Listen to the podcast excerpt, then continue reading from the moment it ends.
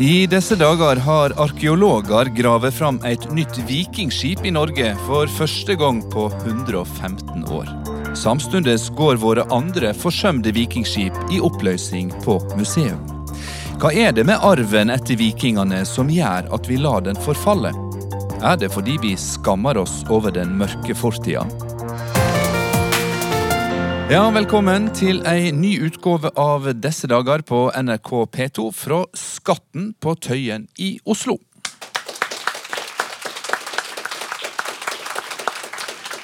På et jorde på gården Gjellestad i Halden ble det i oktober i fjor meldt om en værsensasjon. Omrisset av et vikingskip var oppdaga med georadar. Og nå i august har arkeologene gravet fram deler av det 20 meter lange Gjellestadskipet, og dermed lagt til et nytt kapittel i historia om de norske vikingene. Og noen dager før kommunevalget kom regjeringa ilende til med 35 millioner kroner til nybygg på Vikingskipmuseet. Lovlig seint, mener mange, fordi våre tre stolte vikingskip er i sterkt forfall, der de står utstilte på Vikingskipmuseet på Bygdøy i Oslo. Hvorfor har vi ikke tatt bedre vare på arven etter vikingene, spør vi i disse dager. Statsråd Iselin Nybø kommer for å svare på det spørsmålet. Hit kommer også han som har leia utgravingene i Halden for å fortelle hva mer enn et vikingskip de har funnet. Hun som mener nazistene ødela et allerede dårlig rykte for vikingene, og han som lever ut vikingen i seg.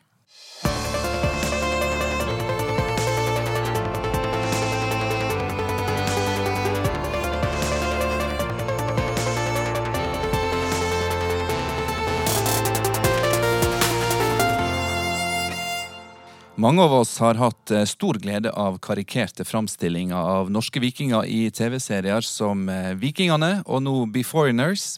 Andre synes livet som viking må takes på største alvor og leves ut til fulle. Nå skal dere få ta vel imot sjefen for Borre vikinglag, høvding Gråskjegg. Takk for det. Velkommen, høvding. Takk for det, takk for det. I folkeregisteret mer kjent som Egil Johnsen. Egil Berle Johnsen, det er korrekt. Ja. Hvem er da denne høvding Gråskjegg? Du, han er en um, innvandra møring fra Møre til Vestfold som er lidenskapelig opptatt av uh, historie generelt. Men da jernalder, yngre jernalder spesielt. Og i, hm, ved å flytte til Vestfold, så det, du snubler jo ned i kaninhullet. Kaninhullet i Vestfold er kjempestort. Mm. Så når du først som historieinteressert kommer dit, så er det lett å finne seg til rette. Men du lever jo ikke mer i fortida enn at du sender både SMS og e-post, og alt signerer du med høvding Gråskjegg. Ja, når jeg svarer på din e-post, så er det med høvding Gråskjegg. Men man har forskjellige signaturer i denne tidsalderen. Man har det. Hva forhold har du til vikingarven? Du, det er jo, Jeg må først begynne med at det er jo betimelig og passende at vi er på Skatten på Tøyen og spiller inn det her. For hadde det ikke vært for Skatten Oseberg-funnet, så hadde vi ikke hatt det, det fokuset på vikingtid vi har i Norge. Og vi hadde ikke hatt det frivillige formidlermiljøet vi har. Vi hadde ikke hatt alt dette fokuset på vikingtiden nå. Altså den skatten som ble funnet for som du sa, 115 år siden ca.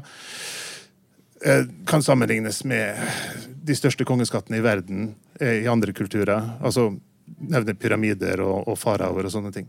Så hadde det ikke vært for den skatten, så hadde vi ikke hatt det levende vikingmiljøet vi har.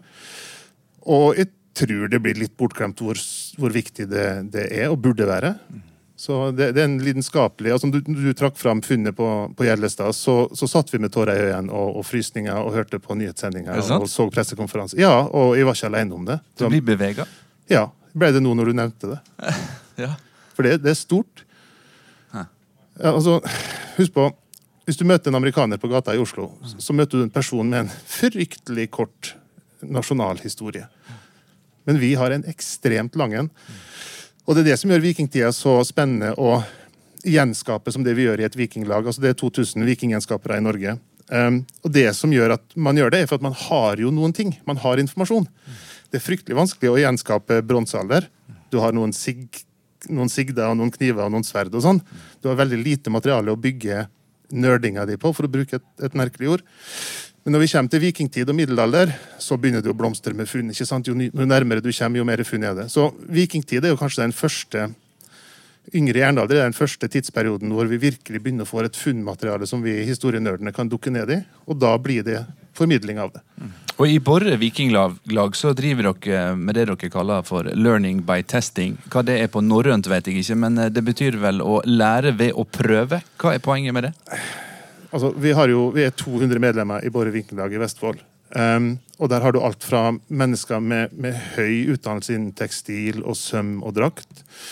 Du har folk som er historikere, du har lærere, du har ingeniører. Du har folk fra alle samfunnslag og, og yrke som da nerder som du kan kalle det, på hver sin lille ting. Du har folk som er fryktelig gode til å lage ting av skinn, som leter etter funn og referanser på skinnarbeid, og prøver å kopiere og sjekke om denne såletypen kunne fungert. Kan dette skomaker, dette salsømmen, kan det funke på den? Altså, det er snakk om testing og prøving. Vi har unge mennesker som jobber på Midgard Vikingsenter i Horten, som har skrevet bacheloroppgaver om holmgang. Mm. Altså, var det mulig å gjennomføre en duell med kappene på bakken, sånn som det står i sagaene? Da tester man det.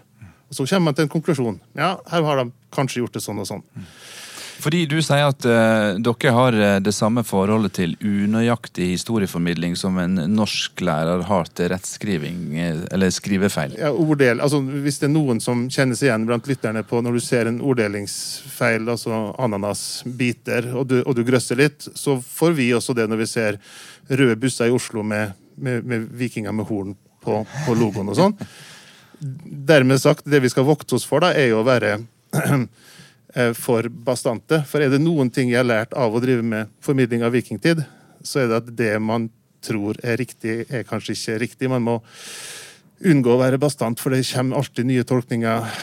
Alt avhenger jo av hvordan funnet opprinnelig er tolka, hvordan de er bevart. Så det jeg har lært mest av, er hva jeg ikke kan. Mm. Men uh, her du står, uh, høgreist og kraftig og uh, grå, gråskjegga. Du framstår jo som den uh, mildt sagt maskuline typen. Og du går jo dermed godt inn i den hårete forestillinga og fortellinga om vikingene. Det vi har lært, er at de drakk, drap, plyndra og voldtok. Mm. Er vikingkulturen egentlig noe å leve ut i dag? Du ville blitt veldig overraska. Jeg, jeg, tenkte på en historie på vei hit i dag, da jeg møtte Det er litt rart når du i, i, i så korrekt antrekk som du tror du greier å få til, drar på et vikingmarked um, og forventer å møte andre skjeggete, langhåra folk og historieinteresserte folk. Jeg presterte å møte en bekjent fra det sivile liv på et sånt vikingmarked. Og han er større enn meg. Uh, mer langhåra, mer skjeggete. Og vi endte opp med å diskutere um, på hvilken måte Astrid Bryde sydde sømmene på innsida av ei omlottsjakke så fint inn. Da står det altså til sammen 300 kilo med mannfolk og sikkert en kilo med skjegg og snakker om søm. Så jeg, jeg, tror de som på en måte er kanskje litt sånn romantisk opptatt av den slåssende, kjempende, drikkende, voldtagende viking, ville blitt litt skuffa over å komme på håndverkskveld på torsdag hos Borre Vikinglag og lære seg å sette opp en oppstavev og og få beskjed om at uh, linet ditt er kjøpt på Ikea. Altså, ja. ja. Vi er litt mykere enn som så. Du sa du fikk tårer i øynene da du hørte at uh, Gjellestadskipet var funnet. Vil du se det utstilt, eller vil du at det skal bli liggende der det er? Jeg har ingen interesse av å se Gjellestadskipet utstilt. Og det er en, Jeg kunne brukt lang tid på å forklare, jeg skal si det veldig kort. Vi bør ikke ta opp noen ting før vi er i stand til å ta vare på det vi allerede har tatt opp. Og det vi allerede har tatt opp, bør også finne veien til lærebøker og hvermannsviten. Så når vi ikke har greid å gjort det på 115 år, så kan vi like gjerne la Gjellestadskipet ligge, bruke georadar og kose oss over at vi vet hvor det er hen, sammen med det skipet som ble funnet på Borre nå, nå nylig. La det for Odins skyld ligge der det ligger, og så tar vi vare på det vi har først for Odins skyld. Høvding Gråskjegg, takk så langt. Du skal få komme tilbake mot uh, slutten av sendinga, etter at vi har snakka både med de som uh, grev fram og forvalta norske vikingers arv og historie, og hun som har ansvaret for å løyve de pengene som skal til for å ta vare på denne delen av vår kulturarv. For arkeologene har altså gravet fram deler av det 20 meter lange Gjellestadskipet på et jorde i Østfold men de fant mye mer enn det. Du får siste nytt i norsk vikinghistorie straks, i disse dager på NRK P2.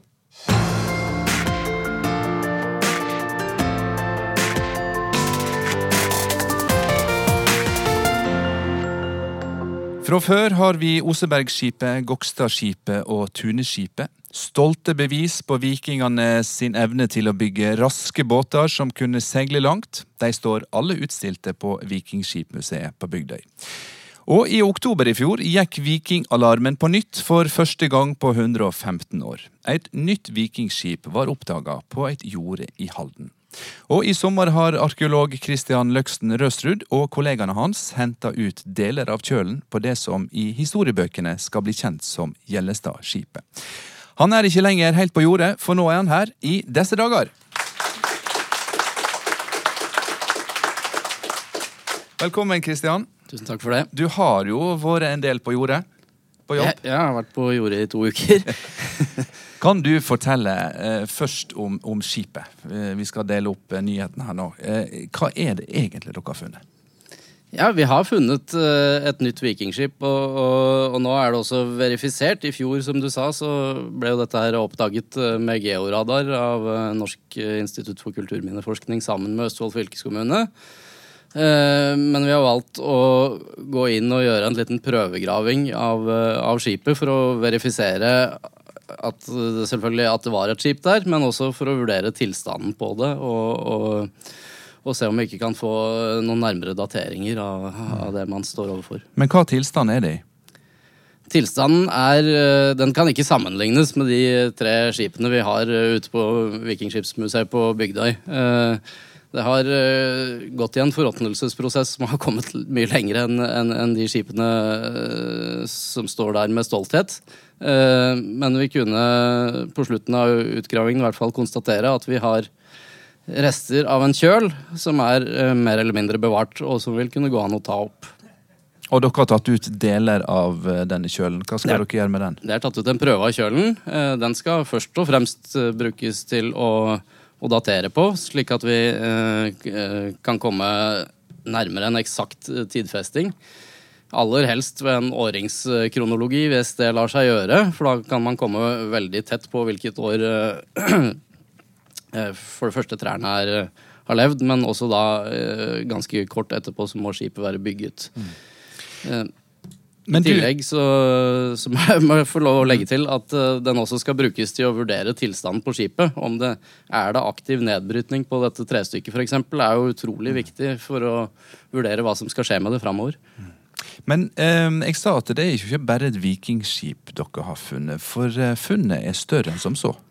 Ja, funnet er mye større enn som så. Altså, vi står overfor en hel, en hel stor kontekst, egentlig. For på georadarbildet så ser vi også 14 andre overpløyde gravhauger og så mange som eh, seks langhus. Eh, nå vet vi Vi har ingen dateringer fra jordet fra før.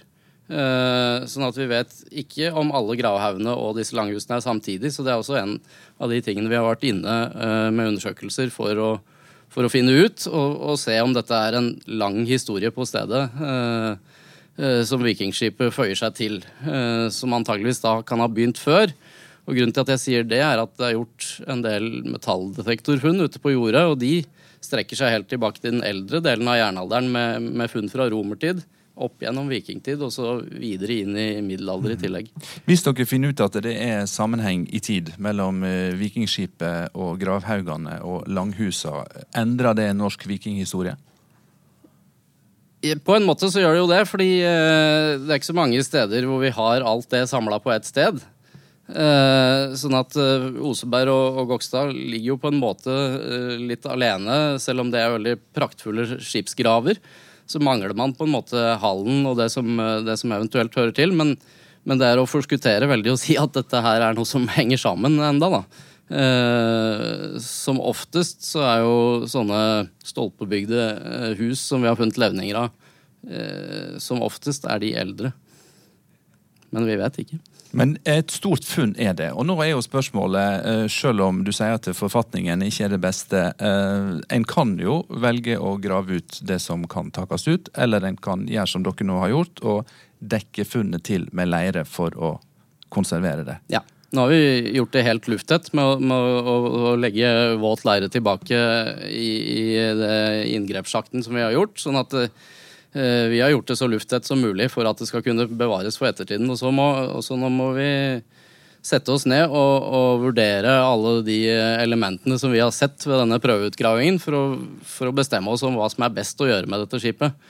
Uh, og det, det, er jo egentlig to scenarioer. Det ene er at det ligger til bevaring, mens det andre er å grave det ut. Og og det, selv om det er nedbrutt, så vi jo, har vi jo også sett mange detaljer som avtrykk av bordganger. Vi vet naglenes nøyaktige plassering og skipet osv. osv. Som gjør at vi, vi, kunne gjøre en utrolig god rekonstruksjon av skipet, eh, også om vi graver det nå. Dekke til eller stille ut, det vil jo bli spørsmålet. Og den som bestemmer det, det er Riksantikvaren. Ta vel imot Hanna Geiran. Vel møtt, eh, Hanna. Tusen takk. Sist du var her i disse dager, så var det for å snakke om de kulturhistoriske viktige bygga vi enten flytta fra eller river. Og nå er det mer enn 1000 år gammel historie vi snakker om med dette funnet av Gjellestadskipet. Hva mener du, bør det få ligge der det ligger, eller graves opp og stilles ut? Jeg var så heldig å være på Gjellestad siste dagen eh, før man avsluttet arbeidene. Det var utrolig interessant og kjempespennende. Og jeg og veldig mange andre har jo eh, sagt JPI, nå har vi gjort et fantastisk funn. Og så er det jo, som det ble sagt her, gjort en, eh, en prøvegraving hvor man har fått bekreftet at det er et skip og fått bekreftet hvilken tilstand det er i. Og det er jo ikke så veldig mye som er igjen rent fysisk, det, som vi hørte. Så nå må vi tenke oss veldig nøye om. Nå er det gjort Nå har man tatt prøver som man skal få svarene på. Og så må man eh, rett og slett gjøre en vurdering av hva som er lurt og riktig. Og ikke minst det prosaiske, men svært nødvendige spørsmålet eh, hvor mye penger koster det? Mm. Og hva skal man gjøre med de gjenstandene, de funnene eh, og den kunnskapen man, man, får når man graver det ut. Men uavhengig av eh, skipets tilstand og kostnadene eh, ved å hente ut dette, har ikke vi strengt tatt mer enn nok med å ta vare på de vikingskipene vi allerede har gravd fram? Det er det jo noen som har sagt. Eh, og man kan jo si nesten med god grunn all den tid de vikingskipene vi har på Bygdøy står og har det ganske forskrekkelig.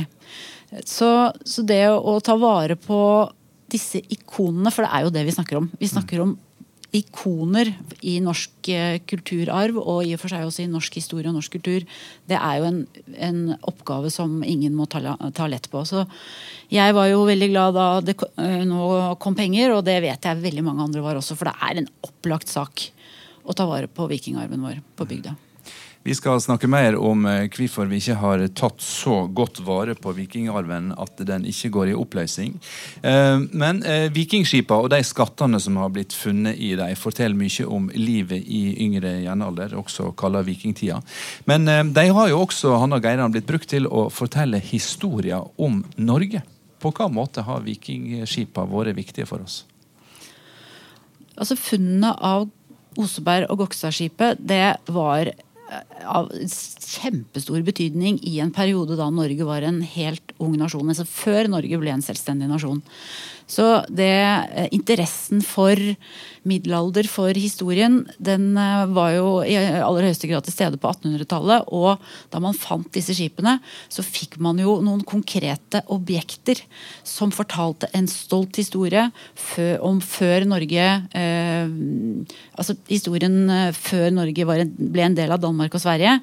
Så dette var jo et nasjonsbyggende eh, konseptprosjekt. Det å løfte fram og snakke om og bruke vikingskipene som en del av eh, markedsføringen av, av, vår historie og det man mente Norge skulle være. Og det handlet jo om eh, den stolte viking som eh, var fri, eh, reiste ut, eh, var en helt. Mm. Og så kom jo Nansen og Amundsen etterpå som erobrerne og oppdagerne. Så man hadde jo en, en, et mytisk forhold til vikingtid som var veldig viktig for å etablere noe vi mente var oss på den tiden. Mm. Jeg husker godt historietimene på barneskolen da vi første gang lærte om vikingene. Og Vår fortid som vikinger har kanskje fått større plass i, i vår egen bevissthet enn i både politiske vedtak og budsjettvedtak. Ja, det tror jeg nok. Uh, vikingtiden er jo en uh, Det er jo både eh, noe av eh, det vi kan være veldig stolte av eh, fremdeles, men det fikk jo også en, en eh, betydning som var, ble ganske problematisk etter hvert.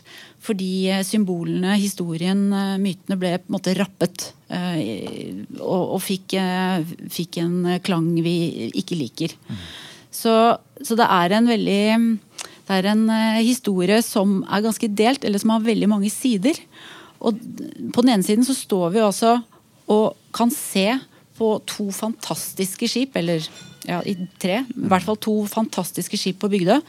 Og se håndverket, og se teknologien, og oppleve eh, et, et eh, kulturminner som er altså så fantastisk at du nesten ikke tror dine egne øyne. Samtidig som eh, den type symboler kan misbrukes. og det er, eh, det er vel verdt å reflektere over. Men, eh, men jeg mener vi kan stå inne for at dette er våre nasjonale ikoner. Det er de best bevarte vikingskipene i hele verden. Det er klart vi skal ta vare på dem. Og dermed også ei verdensarv, mener mange. Kristian, jeg vil tilbake til deg, du som har vært helt på jordet i Halden i to uker, og vært med å grave ut ei historie som er mer enn 1000 år gammel. Så hørte vi høvding Gråskjegg sier at han fikk tårer i øynene da han hørte om dette. Forstår du at noen reagerer emosjonelt? Ja, det kan jeg godt forstå. Og det er også litt eh, spesielt å være med på det som arkeolog. For det, som du begynte med innledningsvis, så er det 115 år siden noen har gravd et eh, vikingskip, eh, i hvert fall i en sånn skipsgrav her i Norge. Så det, det å få være med på det, det er jo veldig spesielt som arkeolog også. Det er mange generasjoner med arkeologer som ikke har fått vært med på noe sånt. Ja, det var det jeg tenkte på. Det er, jo, det er jo mange som aldri får den sjansen som du har hatt. Ja, og det, det får man jo være glad for at man får lov å være med på. Eh, og så eh, har vi selvfølgelig gjort uh, den beste jobben vi kan med å nå vite noe om tilstanden på dette her skipet, sånn at vi kan gjøre en riktig og god vurdering om hva som skal skje med det videre. Eller vikingskipene. Paradoksalt nok så hadde jo vikingskipa det bedre i den jorda de lå i i 1000 år, enn i den lufta de har eh, stått i i 115 år ca. Hanna Geiran, du har jo sjøl vært og inspisert vikingskipa på museet i Oslo. Eh, hva tenkte du om det du fikk se der? Når man går og ser sprekkene og ser hvordan, eh, får vite hvordan de har utviklet seg, så, jo, så er det jo Det er ikke bare var, det er en dramatisk situasjon. Så det er det å gjøre noe med det og få satt i gang prosjektet som gjør at vikingskipene blir tatt vare på, det, det er vi utrolig glad for at eh, det nå er lovet penger til. For noe annet går ikke an. Nei, Vi skal snart uh, møte hun som har uh, gjort den første bevilgninga til uh, nytt vikingtidsmuseum på Bygdøy. Før jeg slipper dere, så vil jeg spørre Kristian. Dere har altså tatt opp deler av kjølen på Gjellestadskipet for å analysere det. Hva tidsperspektiv snakker vi om nå før vi får svar på hva dette skipet har slags historie?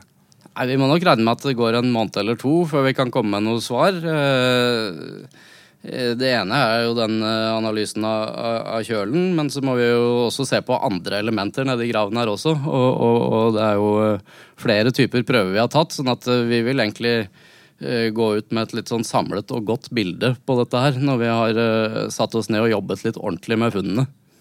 Takk skal du ha, Kristian Løksen Røsrud og eh, riksantikvar Hanna Geiran.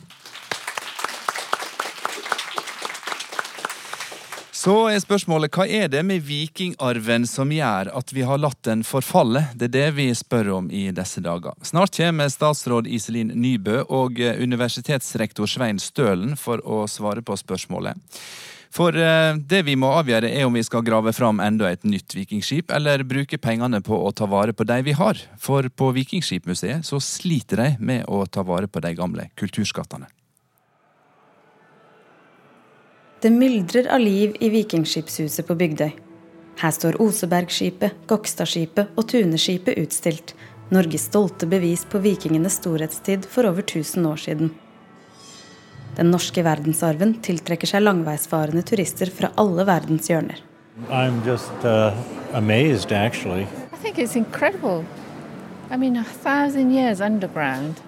Vikingskipshuset på Bygdøy sto klart i 1913 og ble bygget for å kunne ta imot 40 000 besøkende. Men de siste årene har besøkstallet eksplodert. Over en halv million mennesker tar årlig turen til museet for å oppleve vikingskipene og skattene som finnes her. I've been to the uh, uh, museum outside of Copenhagen, but the ships, which they uh, were not as well preserved. This is spectacular. Selv om de tilreisende lar seg imponere av hvor godt konservert skipene ser ut til å være, er realiteten en annen. I flere år har fagfolk varslet om at treverket slår sprekker og gravgodset smuldrer opp. Norges kulturarv står rett og slett i fare for å gå i oppløsning. Altså her har vi et uh, eksempel på det som bekymrer oss veldig mye omkring Gokstadskipet. Jan Bill er professor i arkeologi ved Kulturhistorisk museum og ansvarlig for Vikingskipssamlingen. Han sier det er tre ting som er med på å ødelegge vikingarven. Det første er temperatursvingninger og luftfuktighet inne i museet, som skader treverket. De to andre er faktisk publikum skyldig. De tar med seg støv utenfra, og skipene blir påvirket av vibrasjonene som oppstår i gulvene når folk går forbi. Vibrasjonene er rett og slett en av de faktorer som framskynder nedbrytningen av eh, skipet. Museet har sett seg nødt til å sette i gang en rekke hjelpetiltak for å bremse opp nedbrytingen av de verdifulle gjenstandene. De har bl.a. satt opp flere støtter under skipene for å avlaste vekten og holde skipene oppreist. Jan Bill ser frem til dagen når det nye Vikingtidsmuseet endelig står klart omkring 2025. Altså det viktigste med det nye museum er jo at det skal sikre overlevelsen av disse gjenstandene. Eh, og det er jeg ganske overbevist om at det kommer til å gjøre. Eh, og Hvorfor er det så viktig å bevare disse vikingskipene og de gjenstandene som er i museet? Det er jo fordi det er verdenshav. Eh, der finnes ikke andre steder hvor det eksisterer så velbevarte vikingskip eller andre store tregjenstander fra vikingtiden. Eh, hvis man vil se dem, så må man komme hit til Oslo. Og det er vår plikt og oppgave å sikre at kommende generasjoner kan gjøre det også. Ja, og kommende generasjoner skal om noen år kunne ta alt dette og mer til i skue på et nytt vikingtidsmuseum på Bygdøy. For få dager før valget kom regjeringa med 35 millioner kroner til byggestart på museet, som skal til slutt koste i underkant av to milliarder kroner. Hvorfor kommer prosessen med å skaffe en ny heim for vikingskattene til slutt til å ha tatt et kvart århundre? Det spør vi om nå. Her er statsråd Iselin Nybø og han som har ansvaret for å ta vare på vikingskipa våre, universitetsrektor i Oslo, Svein Stølen. Ja, aller først, eh, velkommen Iselin eh, Nybø. Takk for det. Du, du har bokstavelig talt akkurat eh, kommet inn til oss uh, nå, litt uh, heseblesende. Og derfor er det også fristende å spørre slik som de gjør i actionfilmene når helten endelig kommer til unnsetnad. What took you so long? Å oh, ja, da burde jeg hatt et godt, et godt svar på det. Men Altså, Jeg har jo vært statsråd i ja, litt over halvannet år, og jeg synes jo at eh, så lenge jeg har hatt ansvar for dette, så har det egentlig gått så raskt som det kunne gå. Eh, vi fikk jo, altså Prosjektet var liksom helt, helt ferdig i eh, nå ser jeg litt på Svein Stølen her, september i fjor. Og dette er sånn sett det første statsbudsjettet eh, vi legger fram, det ordinære statsbudsjettet vi legger fram etter det. Eh, så kan man alltid snakke litt om ja, det kunne kommet i revidert, men dette er jo en investering på eh, ja, ganske mye penger, altså over to milliarder kroner, som er naturlig å ha i et ordinært eh, statsbudsjett. Men fra en begynte å snakke om for alvor at vikingskipa trenger et nytt eh, bygg, eh, og fram til dette vil stå ferdig, så har det gått et kvart århundre? Ja, og det er nok, det er nok ikke ett svar på hvorfor det har tatt så lang tid. Det er nok mange grunner til det. Eh, og en av grunnene til at det hasta veldig på slutten, det er jo at vi òg har fått mer kunnskap om og mer informasjon om hvor mye skipene forvitrer på korte tid. Sant? Og det har jo aktualisert problemstillingen veldig bare de siste åra. Mens før det så, så, handler det nok om forskjellige ting. Det handler om prioriteringer som er gjort, det handler om, om universitetet sjøl og prioriteringene og oppmerksomheten rundt uh, pro problemene og utfordringene som er her, som har blitt veldig tydelige uh, de siste åra. Mm. Og så kom du med 35 millioner kroner bare, før, bare dager før lokalvalget. Hvorfor kom den løyvinga akkurat uh, da? Nei, Nei, det er jo som sagt Dette har vært et viktig prosjekt for meg så lenge jeg har vært statsråd. Det var jo eh, Helt tidlig i min statsrådskarriere så var jeg på besøk oppe på museet sammen med Svein og, og direktøren for museet. Eh, og jeg syns nesten ikke jeg kunne holde på den informasjonen lenger enn jeg gjorde. Eh, altså, altså, Rektor her han, han gikk flere dager i uvitenhet etter konferansen var ferdig, til jeg ringte han og sa det. Det gikk fra torsdag til søndag, og det tror jeg egentlig Svein Stølen syns var i lengste laget. Hvis jeg skulle sittet på denne informasjonen fram til langt ut i oktober, sant, så tror jeg eh, ja, jeg tror mange er glad for at det kom så tidlig som det gjorde. Og så er dette en sak som regjeringen har med jevne og ujevne mellomrom møtt kritikk for at vi ikke har levert. Og da syns jeg det bare er rett og rimelig at når vi leverer på det, så får vi fortelle om det òg. Svein Stølen, du er altså rektor ved Universitetet i Oslo. og eh, Universitetet har siden Osebergskipet ble donert av en rikmann til universitetet, hatt ansvaret for vikingskipa. Og nå er det altså eh, mer enn ei hundre år gammel historie som har fått et skal vi si, et førebels eh, godt utfall. Har dette pågått så lenge? Ja, det har nok det, og jeg er veldig glad for at jeg slapp å vente lenger. For dette gikk utover helse og syke og alt mulig, så jeg var glad for at vi fikk beskjeden. Men det er jo sant det, at det har jo pågått lenge.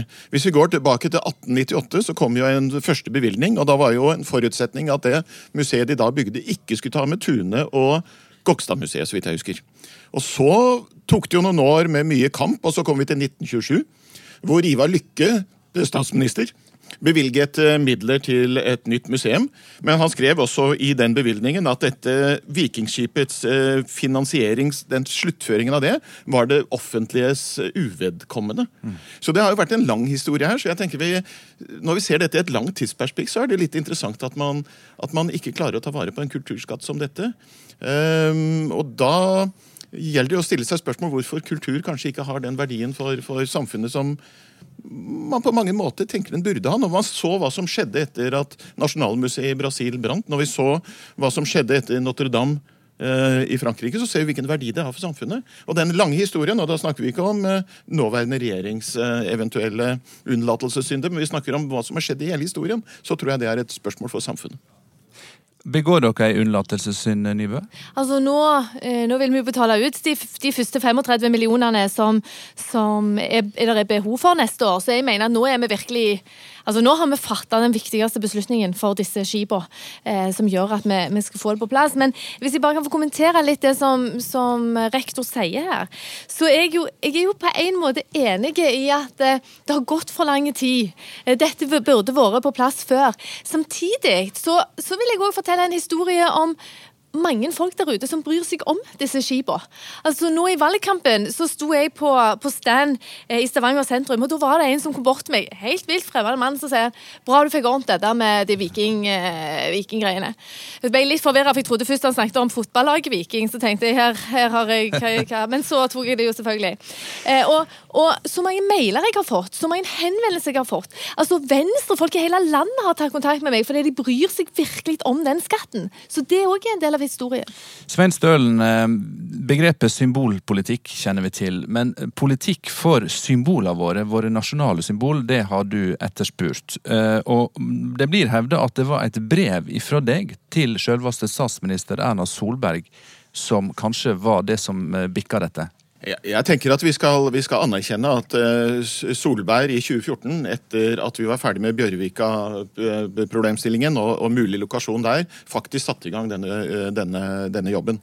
Og så blei det en planlegging, og den var ferdig i fjor, som blei sagt. Eh, det er også slik at, eh, at, det tar tid å lage disse planene for å få ferdig museet. Så jeg tenker at, eh, at jeg syns faktisk at det historiske, det totale, er mer interessant problemstilling enn hva som har skjedd akkurat nå de siste årene. Nå har vi fått det, det skal vi være glad for.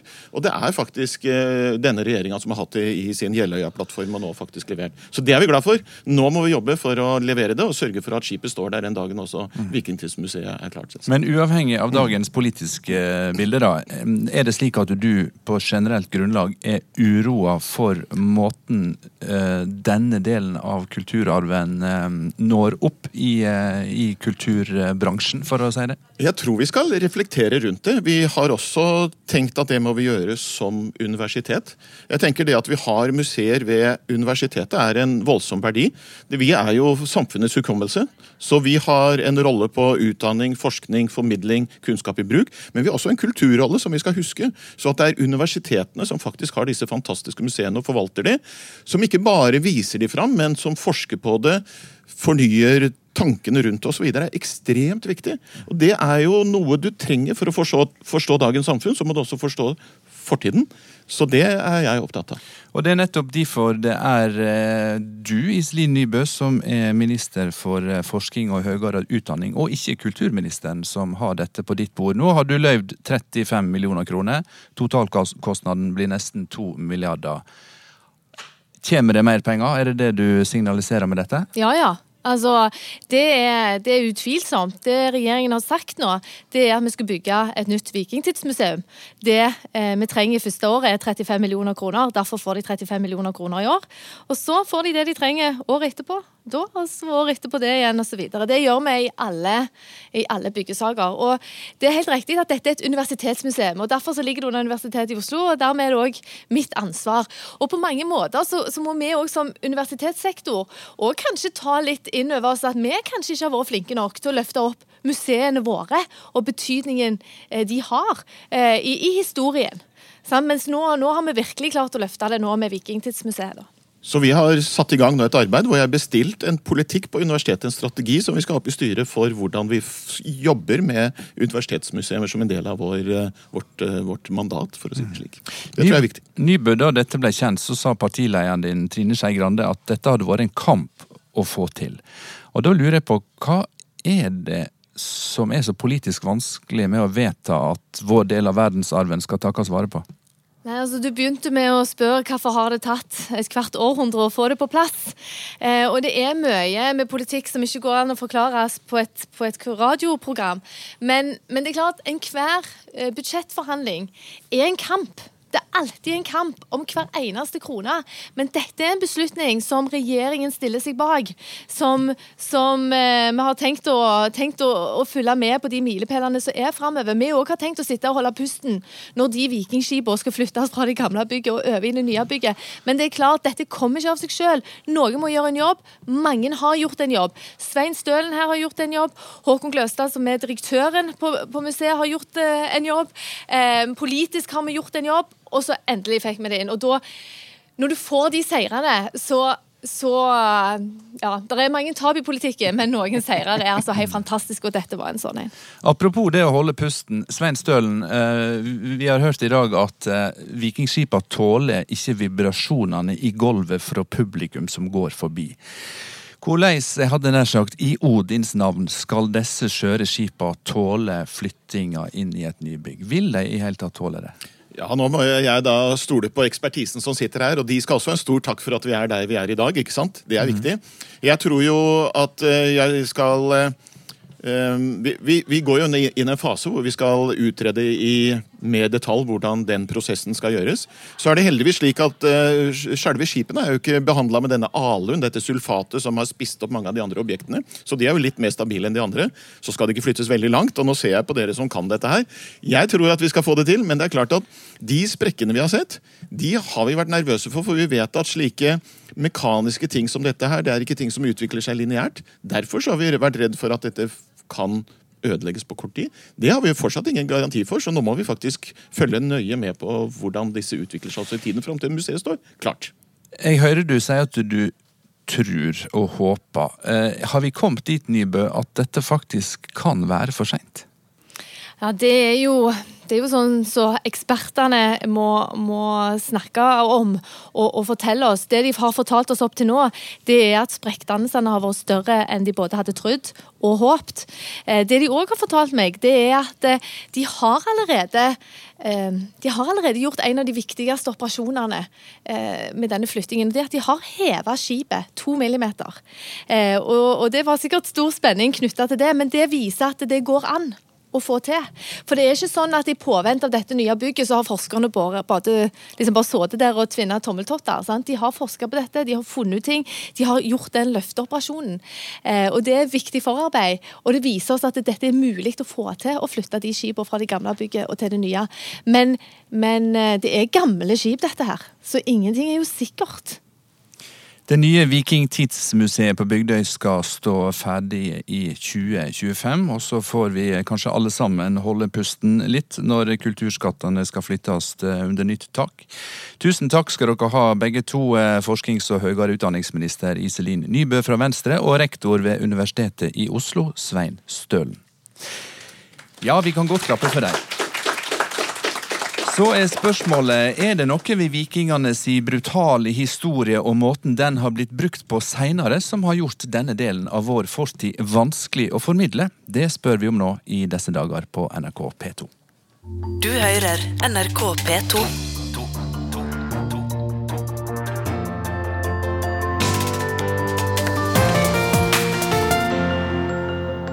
For hvorfor er det slik at vikingarven lever like sterkt i de landa der vikingene herja? Hva har vikingene betydd for land som Russland, Spania og Tyskland? Og eh, hva har den tyske okkupasjonsmakta sin bruk av norrøne symbol betydd for vårt syn på vikingene? Nå skal vi strekke de lange historiske linjene her i disse dager når vi tar inn professor Marianne Fedler og historiker og forfatter Kim Jardar. Ja, Velkommen begge to. Først til deg, Marianne Fedler, professor i arkeologi ved Kulturhistorisk museum. Eh, mener du at vikingene har en manglende status i norsk kulturliv, slik det ble antydet fra rektoren her?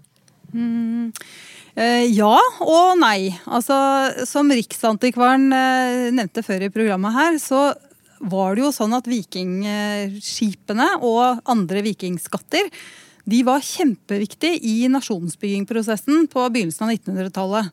Eh, men eh, det er klart at eh, da nazistene i sin propaganda begynte å bruke mange av vikingtidens symboler, så var jo ikke akkurat det noe godt i forhold til vikingtidens omdømme i etterkant.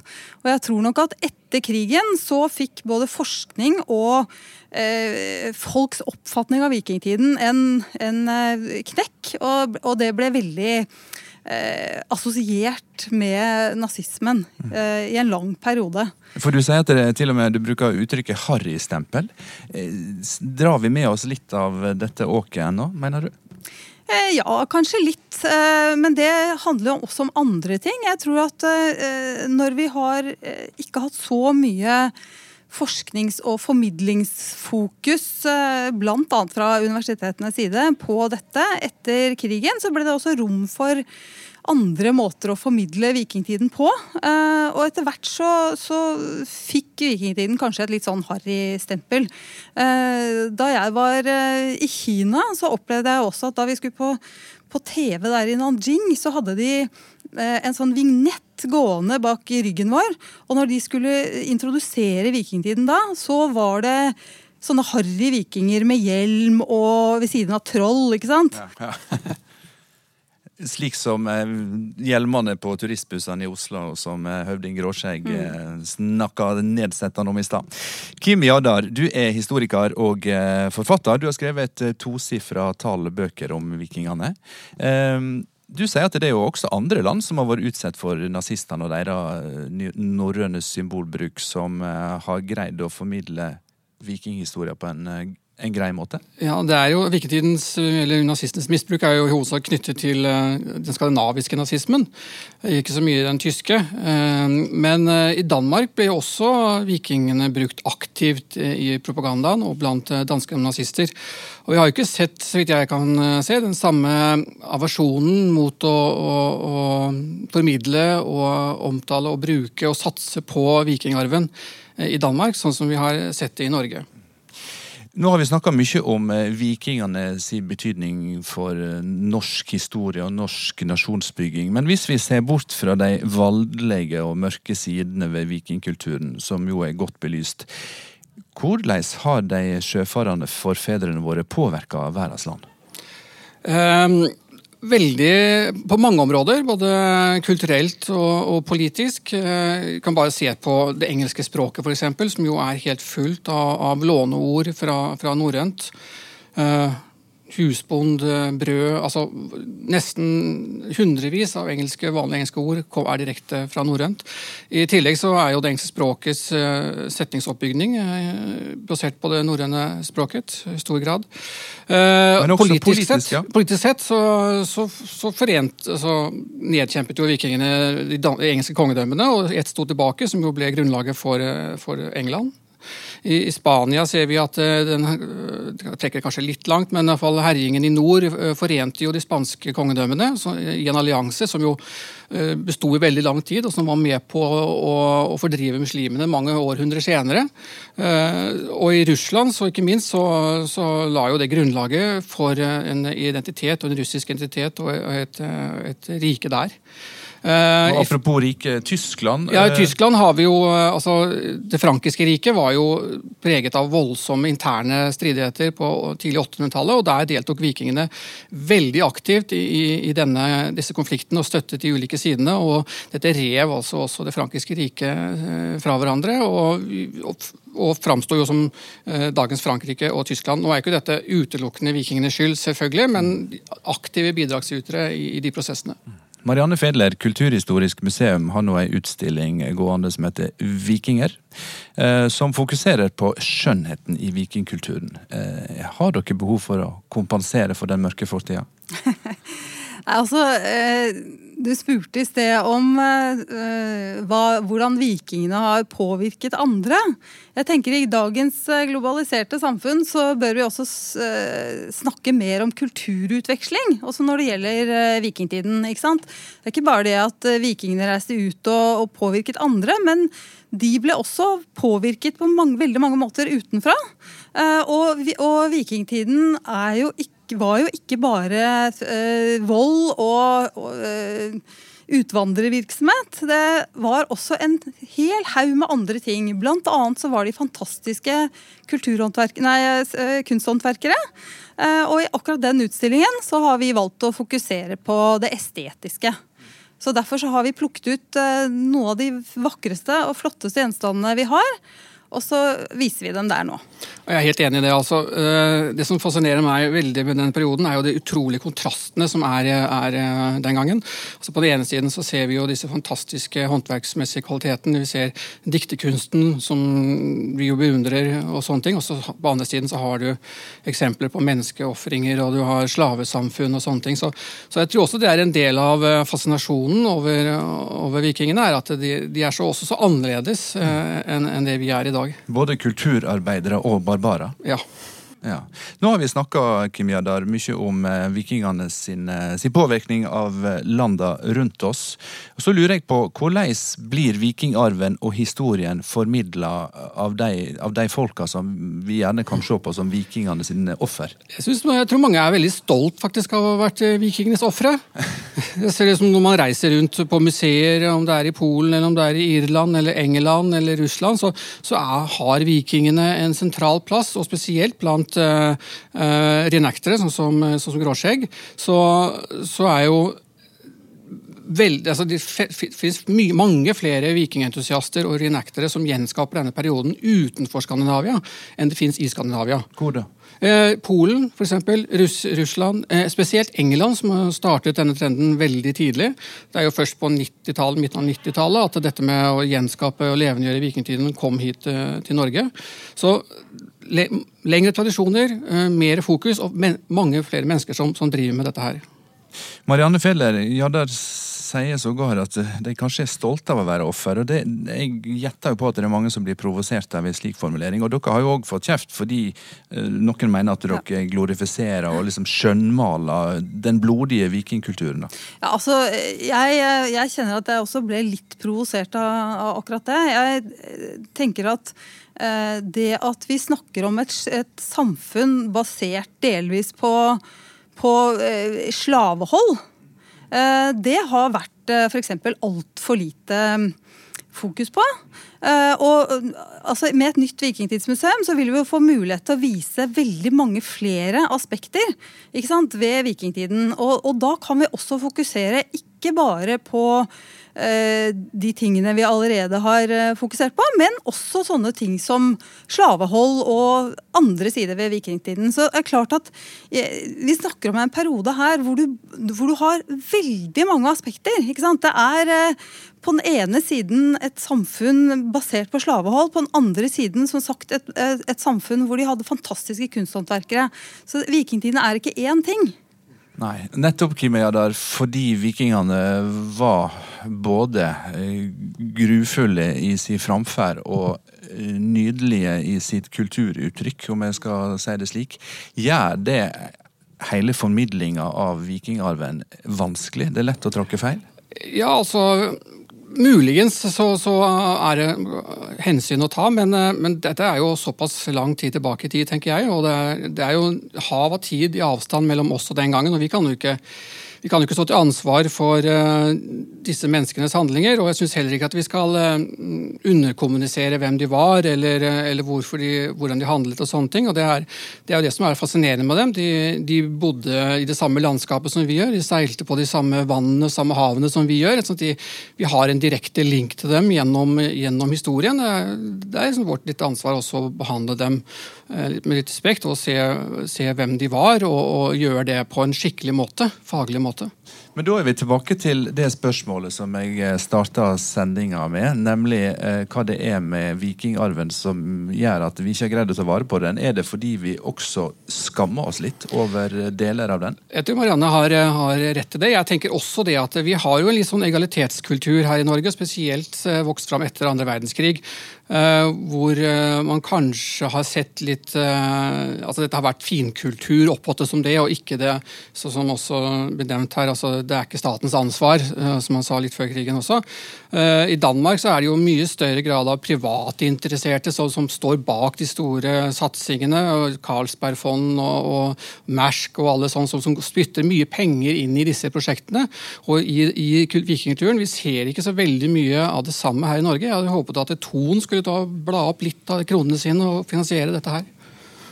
Altså jeg eh, tenker jo at det er ekstremt viktig at det er staten som uh, står for dette. Altså Dette er vår felles kulturarv. Uh, og det er veldig viktig at, at, staten tar sitt ansvar, og det ser vi jo tegn til at, at skjer nå. så jeg, jeg, Det er veldig fint med private um, aktører. Altså, Osebergskipet ble jo bl.a. reddet fra å bli solgt ut fra landet ikke sant? pga. En, en privat velgjører. Eh, men dette er vår felles kulturarv. Og Det er jeg helt enig i. Det bør være staten som grunnleggende tar det ansvaret. Men når ikke staten tar det ansvaret, hvem skal da gjøre det? Ja, Nå har jo staten tatt eh, ansvaret for 35 millioner kroner, i alle fall. Jeg tror, jeg tror det eh, kommer nå av to milliarder til nytt vikingtidsmuseum. Og da lurer jeg på, Marianne Fjeller, Blir det lettere for dere som driver denne formidlinga, å få fram hele bildet, når dere bokstavelig talt får bedre plass? Ja, selvfølgelig. Vi vil jo få en helt unik mulighet til å vise veldig mange aspekter ved vikingtiden. Eh, og vi har jo faktisk, jeg vil si, eh, kanskje verdens flotte flotteste samling av uh, vikingtidsgjenstander. Og det er ikke kun skipene. Selvfølgelig er det viktig å fokusere på skipene, men vi har altså enormt mange andre uh, flotte gjenstander som vi også vil vise fram. Ja, jeg gleder meg som et barn til å se dette museet ferdig. Tusen takk skal dere ha, begge to. Professor i arkeologi Marianne Fedler og historiker Kim Jadar, for at dere kom til disse dager. NRK P2.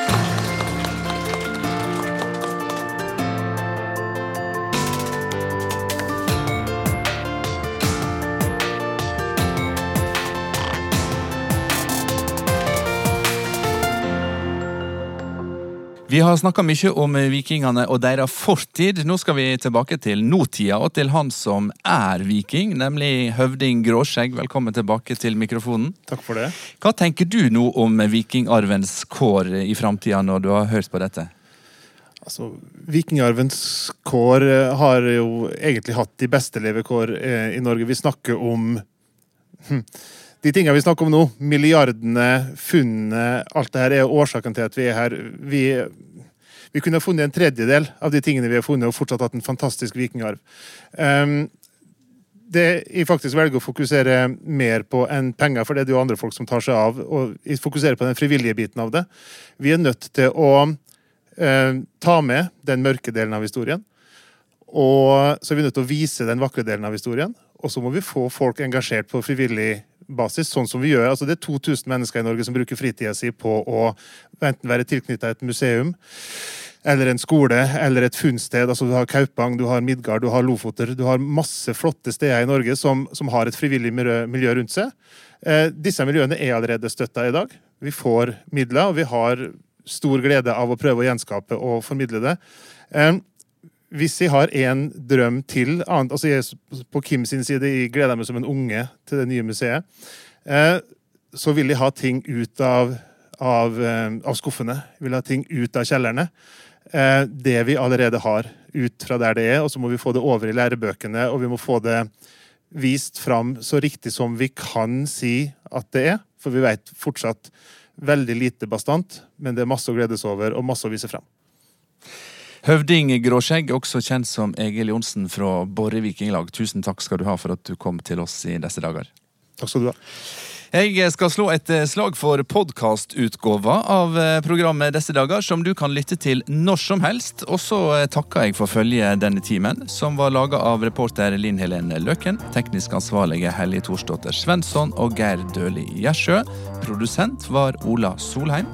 Jeg heter Håkon Haugsbø og sier på gjenhør.